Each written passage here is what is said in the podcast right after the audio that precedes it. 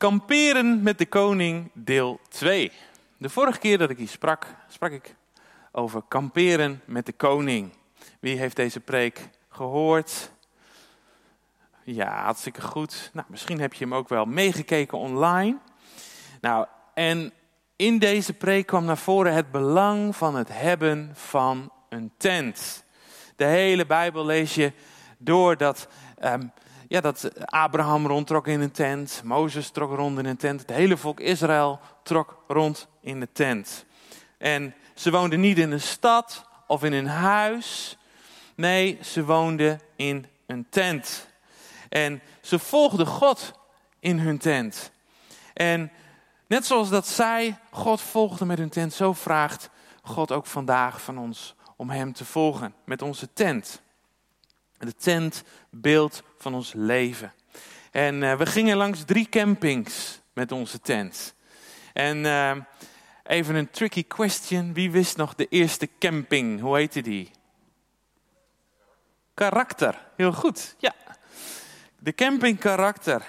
Hoe ziet je tent eruit? Zorg je er goed voor? Hoe kijk je naar de tenten van anderen?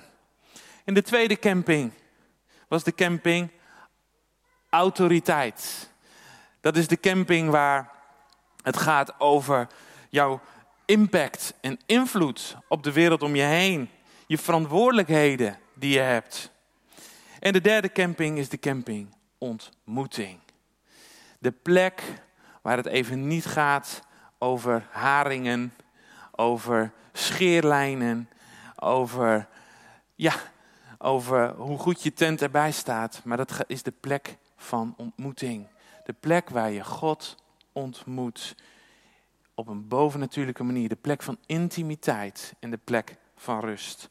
En we lazen ook hoe in Exodus de, de wolk neerdaalt op de ontmoetingstent. En dat het ook Gods verlangen is om je te vullen met zijn Heilige Geest. Net als die wolk die neerdaalde op die tent. En zo werd die tent gevuld met de wolk. Zo wil God ons ook vullen met zijn Heilige Geest. En vandaag wil ik opnieuw kijken naar een heel bijzonder Bijbelgedeelte. waarin de tent ook een hele belangrijke rol speelt. Of laat ik het anders zeggen, waarin de tent eigenlijk helemaal geen rol lijkt te spelen. Dit gaan we doen aan de hand van drie vragen onvermijdelijk naar boven komen als we dit Bijbelgedeelte met elkaar gaan lezen. En als je je Bijbel bij je hebt, we gaan lezen Lucas 9, vers 28 tot en met 38. En ik lees het voor uit de herziende statenvertaling. Er staat boven de verheerlijking op de berg. Het gebeurde ongeveer acht dagen na deze woorden dat hij Petrus en Johannes en Jacobus meenam en de berg beklom om te bidden. En het gebeurde terwijl hij bad dat de aanblik van zijn gezicht veranderd werd en zijn kleding blinkend wit werd. En zie, twee mannen spraken met hem. Het waren Mozes en Elia. Zij verschenen in heerlijkheid en spraken over zijn heengaan dat hij zou volbrengen in Jeruzalem. Petrus en die bij hem waren, waren bevangen door slaap. Toen ze wakker geworden waren, zagen zij zijn heerlijkheid en de twee mannen die bij hem stonden. En het gebeurde toen zij bij hem vandaan zouden gaan dat Petrus tegen Jezus zei: Meester, het is goed dat wij hier zijn. Laten wij drie tenten maken. Voor u één, voor Mozes één en voor Elia één. Hij wist echter niet wat hij zei. Terwijl hij dit zei, kwam er een wolk en die overschaduwde hen. En zij werden bevreesd toen zij de wolk ingingen. En er kwam een stem uit de wolk die zei: Dit is mijn geliefde zoon, luister naar hem. En toen de stem geklonken had, bevond Jezus zich daar alleen. En zij zwegen en vertelden in die dagen niemand iets van wat zij gezien hadden. Tot zover. Het verhaal heet De Verheerlijking op de Berg. Ook wel de transfiguratie van Christus genoemd. Omdat Jezus hier verandert van zijn natuurlijke menselijke gedaante in zijn bovennatuurlijke goddelijke gedaante. Een bijzondere gebeurtenis. Dat is misschien nog wel zwak uitgedrukt. En het staat in drie van de vier evangeliën beschreven. In Matthäus, in Marcus en in Lucas. De enige die je niet over schrijft, is Johannes. En dat is best opmerkelijk, want Johannes was hierbij aanwezig. Hij heeft het live zien gebeuren. Maar we lezen in zijn evangelie wel een verwijzing naar dit verhaal. En daar kom ik later op terug. Voorafgaand aan deze gebeurtenis lezen we in alle drie de evangeliën hoe Petrus de openbaring krijgt van God, de Vader, dat Jezus de Zoon is van God. Dus het ligt in dezelfde lijn. En in dit gedeelte lezen we hoe God zelf zegt dat Jezus de zoon is van God. En na deze gebeurtenis, dat, dat Petrus die openbaring ontvangen heeft, dan ongeveer een week later neemt Jezus de discipelen mee de berg op.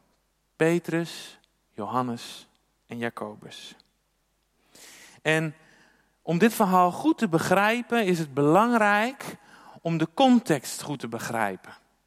Want de schrijver heeft een bedoeling met dit gedeelte. En je zou eigenlijk moeten zeggen, het feit dat dit verhaal, wat een heel bijzonder verhaal is, in de Bijbel terechtgekomen is, dat maakt het verhaal al belangrijk. Dat maakt het verhaal al belangrijk om goed te begrijpen wat hier bedoeld wordt. En als je het verhaal leest, dan kun je misschien al wel een bepaalde setting voor je zien. Je ziet misschien de discipelen met, met Jezus die berg op. En je denkt misschien als die discipelen, oh, waarom moeten we nou weer die berg op? Konden we niet gewoon lekker hier in de Jeruzalem of uh, in, in, die, in die tuin, hè? Die, die mooie tuin uh, waar we ook wel eens zijn. Hè, waarom moeten we nou weer die berg op? Het was waarschijnlijk de, de Hermon, dus ook nog een hele hoge berg, de grootste berg in Israël. En zweten en moe. En dan in die, zijn ze op die berg en dan zie je in die setting iets opvallends gebeuren. Want de schrijver die, ja, je ziet een aantal, zo noem ik dat, aantal drieën ontstaan. En dat is altijd wel interessant als dat gebeurt in de Bijbel. En je ziet uh, Petrus, Jacobus en Johannes. Ze staan daar met z'n drieën. En je ziet Jezus, Mozes en Elia met z'n drieën. Dus dat, is, dat, is, dat is al opmerkelijk. En, en je ziet eigenlijk de discipelen die, die, die staan, of eigenlijk ze slapen, op een afstandje. Ja, ze zijn moe, denk ik. Ze zijn in slaap gevallen. En even verderop staan uh, Mozes en Elia met Jezus te praten. Maar er worden ook drie tenten genoemd in dit verhaal. dus daar zie je ook weer die drie terugkomen. En je ziet voor je hoe Mozes en Elia in gesprek zijn met Jezus. En de discipelen, ze staan op een afstandje. Ze liggen daar op een afstandje in diepe slaap. En je ziet daar eigenlijk twee groepen aanwezig op die berg. En wat misschien wel het meeste opvalt in dit gedeelte, is de, uh, de actie van Petrus. De actie van Petrus. En wat misschien nog wel bijzonderder is, dat is de opmerking van de schrijver die daarop volgt. En laten we eens lezen, vers 33, daar staat, en het gebeurde toen hij bij hem vandaan zouden gaan, dat Petrus tegen Jezus zei: Meester, het is goed dat wij hier zijn. Laten wij drie tenten maken. Voor u één, voor Mozes één en voor Elia één. En dan staat daar, hij wist echter niet wat hij zei. En de eerste vraag die bij mij boven komt is: Waarom wist Petrus niet wat hij zei? Hebt u dat ook? Van waar deze bijna sarcastische reactie van de schrijver op een uiterst vriendelijk voorstel van Petrus om drie tenten op te zetten. Waar, wat, wat maakte dat, dat Petrus zo'n vreemd voorstel deed? We hebben de vorige keer gehoord dat de tent in de Bijbel altijd voor drie dingen staat: karakter, autoriteit en ontmoeting met God. En Petrus is een Jood. Opgegroeid in de Joodse traditie, in de Joodse leer. En hij weet dat ontmoetingen met God plaatsvinden in de tabernakel, in de tent. Sterker nog, iedereen in Israël weet dat God verschijnt in de tabernakel. Dat is de plek van ontmoeting. En wat hier gebeurt is een gloriemoment XXL. Ik denk dat je het zo kan omschrijven.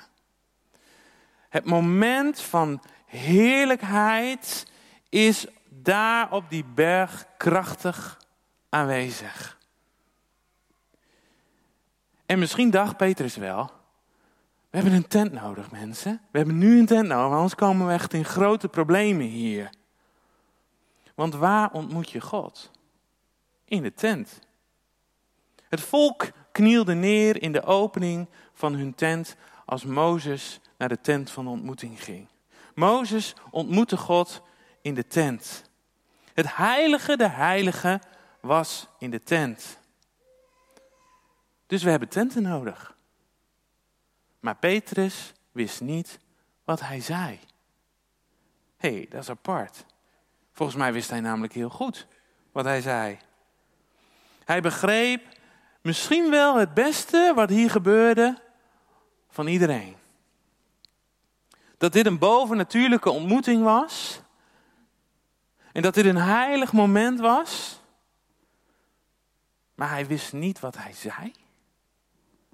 Marcus schrijft zelfs, hij wist namelijk niet wat hij zei, want zij waren zeer bevreesd.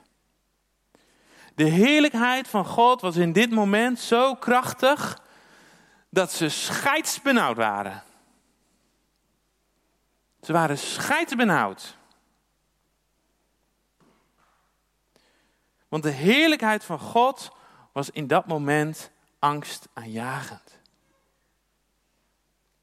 Dus hoezo wist Petrus niet wat hij zei? Hij had, hij had, door, hij had door dat om in de heerlijkheid van God te kunnen zijn, heb je een tent nodig. En toch staat er, hij wist niet wat hij zei. En het antwoord op deze vraag vinden we in het Johannes-evangelie, zoals ik net al zei. Want Johannes schrijft deze gebeurtenis niet aan zich, maar hij verwijst ernaar. Direct in het begin van zijn evangelie. Laten we eens met elkaar lezen Johannes 1, vers 14. Johannes 1, vers 14. Ik lees deze ook uit de HSV. Daar staat, en het woord is vlees geworden en heeft onder ons gewoond. In de grondtekst staat hier, hij heeft zijn tent opgeslagen. En wij hebben zijn heerlijkheid gezien. Een heerlijkheid als van de enige geborene van de Vader, vol van genade en waarheid. Petrus hoeft geen tent meer op te zetten, want de tent is al opgezet. Jezus heeft zijn tent opgeslagen. En hij heeft ons als zoon van God zijn goddelijke heerlijkheid laten zien, vol genade en waarheid. De tent van ontmoeting is opgeslagen. In de heerlijkheid van God, de heerlijkheid van Jezus is verschenen op die berg. In de persoon van Jezus de Messias. Mooi hè? Jezus die God is en tegelijk mens is, wordt daar verheerlijkt. En die heerlijkheid die wordt zichtbaar voor de discipelen op die berg. En tot dit moment had God zijn tegenwoordigheid aan zijn volk geopenbaard in de tent. En later in de tempel. Maar nu wordt voor het eerst zichtbaar dat er geen tent meer nodig is, omdat God als mens onder de mensen woont in de persoon van Jezus. En daarom was het niet nodig om drie tenten op te slaan. Dan krijgen we direct de tweede vraag. Maar waarom wilde Petrus er drie opslaan? Waarom wilde hij er drie opslaan? Drie tenten. Nou, tenten staan in de Bijbel altijd voor ontmoeting, maar ze staan ook voor autoriteit. En in het gedeelte hiervoor lezen we dat de menigte was bereikt. De menigte volgde hem. En Jezus was inmiddels in het hele land een bekendheid geworden. Er staat, zelfs Herodes, de viervorst, wilde hem graag ontmoeten. Dat was een hoge pief. En wat opmerkelijk is dat ze de openbaring van wie Jezus echt was, die hadden ze niet. Maar kort voor deze gebeurtenis krijgt Petrus de openbaring van wie Jezus is. En dan vraagt Jezus ook aan zijn leerlingen: Wie zegt de menigte dat ik ben? En ze geven antwoorden, zeggen Johannes de Doper, Elia of een van de oude profeten. Dus je ziet dus dat het, het volk zet hem op één lijn met Mozes en Elia.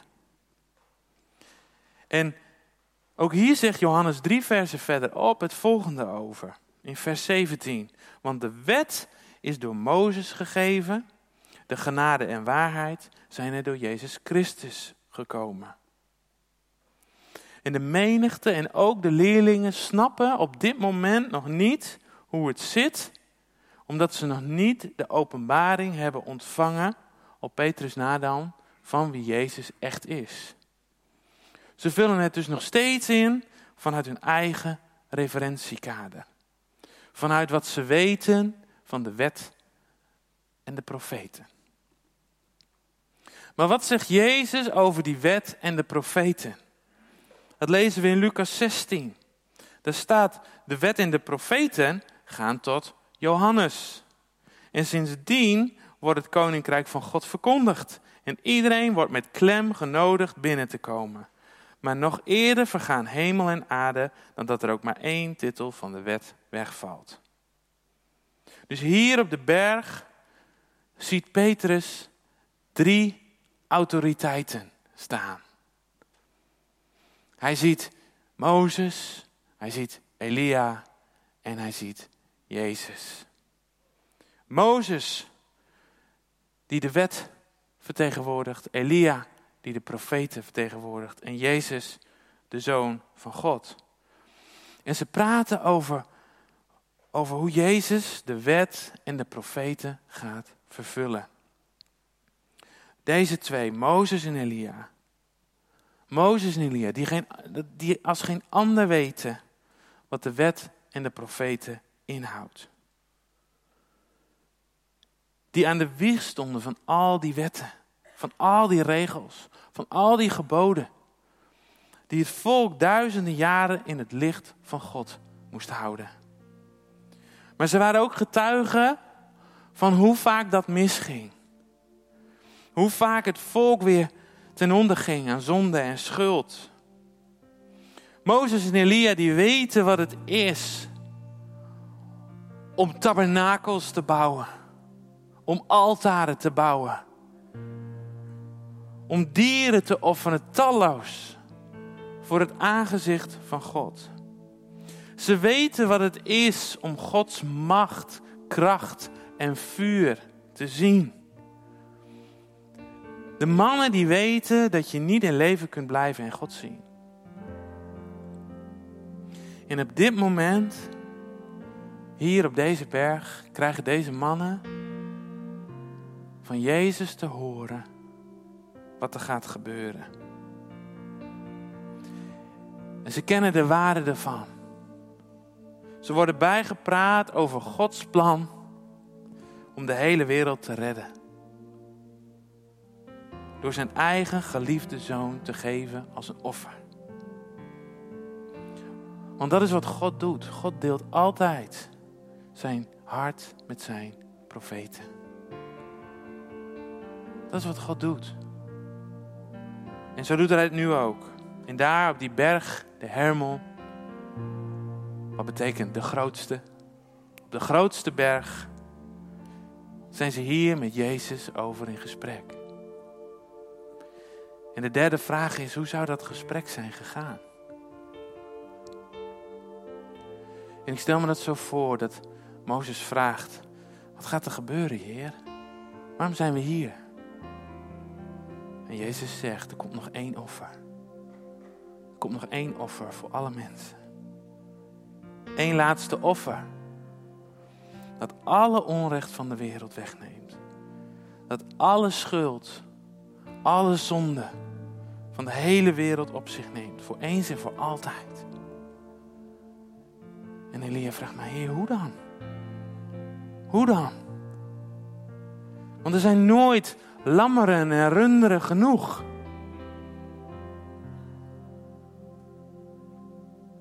Er zijn nooit genoeg stenen om altaren van te bouwen.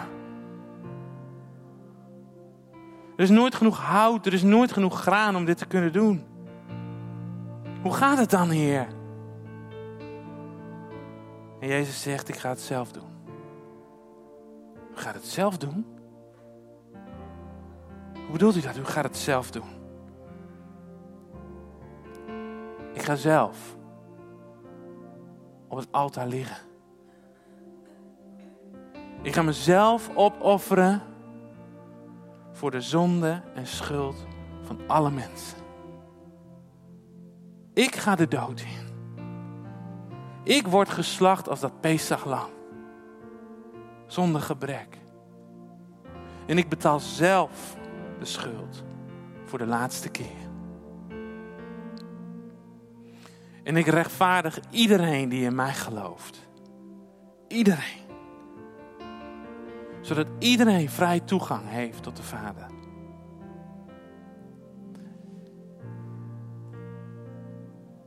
En Mozes en Elia, ze staan daar. En ze hoorden dit aan.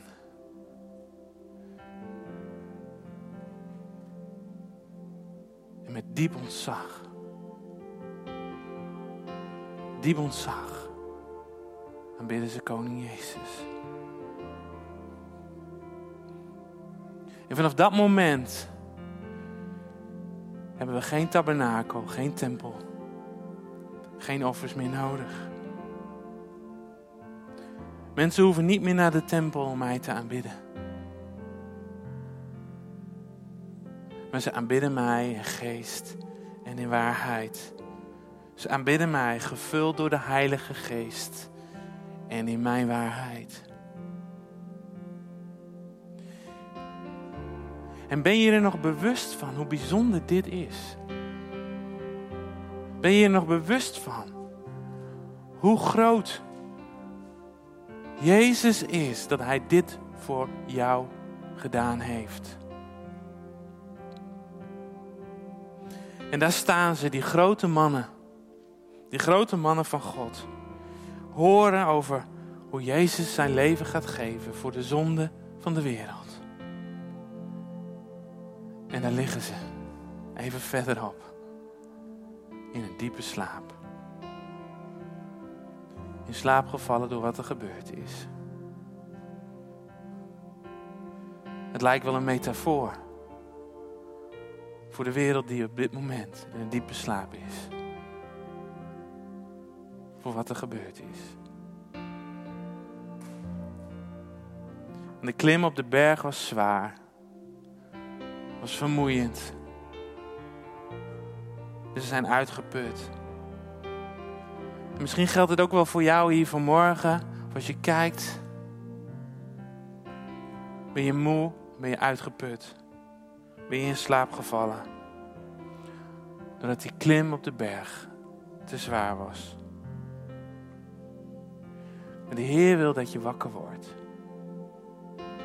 De Heer wil dat je wakker wordt. Dat je Hem ziet in Zijn heerlijkheid, in Zijn glorie. In dit gloriemoment XXL.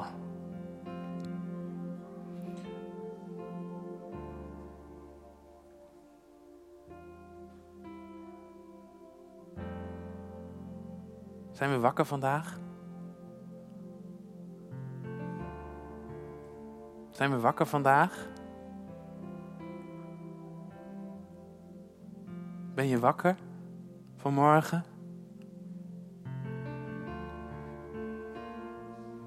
Want Hij wil komen en Hij wil jou vullen met Zijn Heilige Geest vanmorgen. Zoals die wolk ook kwam. En ze die wolk ingingen.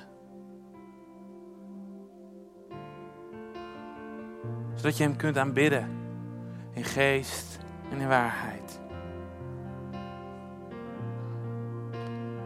Zoon van God heeft zijn leven gegeven voor jou. Zodat jij die wolk binnen kan gaan.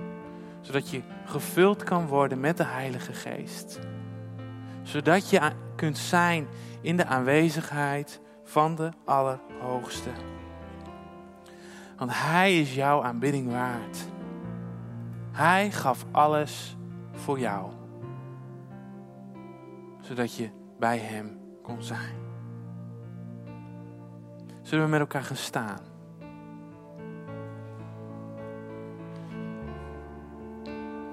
Weet je, ik geloof in de kracht van een stap zetten.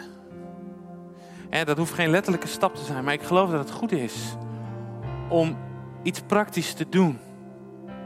En vanmorgen in de bid stond, las ik ook het verhaal van die man met die verbrijzelde hand. En Jezus zegt, strek je hand uit. Weet je, Jezus die, die roept ons op om in beweging te komen. Om iets praktisch te doen. En misschien, misschien zit je hier en hoor je het aan en denk je, nou ik ken dit, ik, ik weet dit, ik ken dit verhaal. Maar ik geloof dat de Heilige Geest vanmorgen je uitdaagt om echt fysiek even iets te doen. En misschien is dat even je handen uitstrekken naar Hem.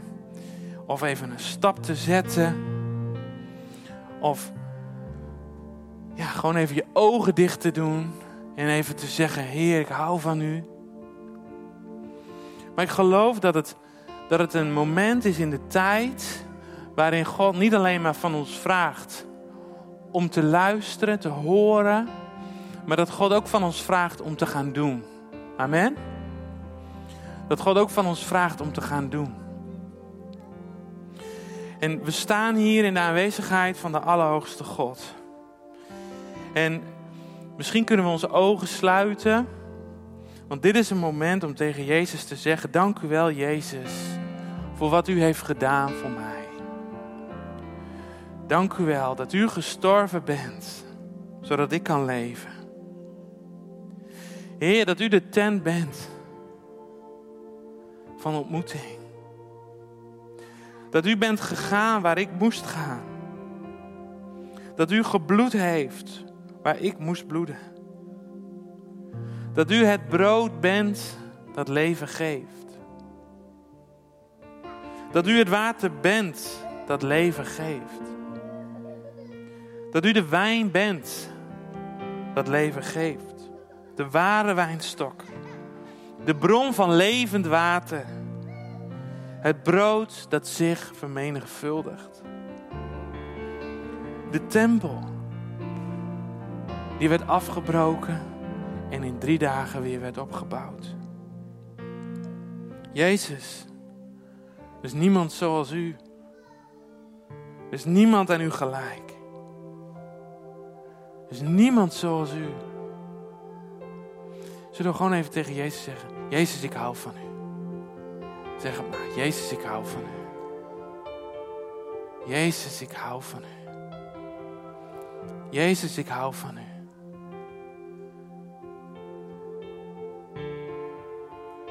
Jezus, ik hou van u.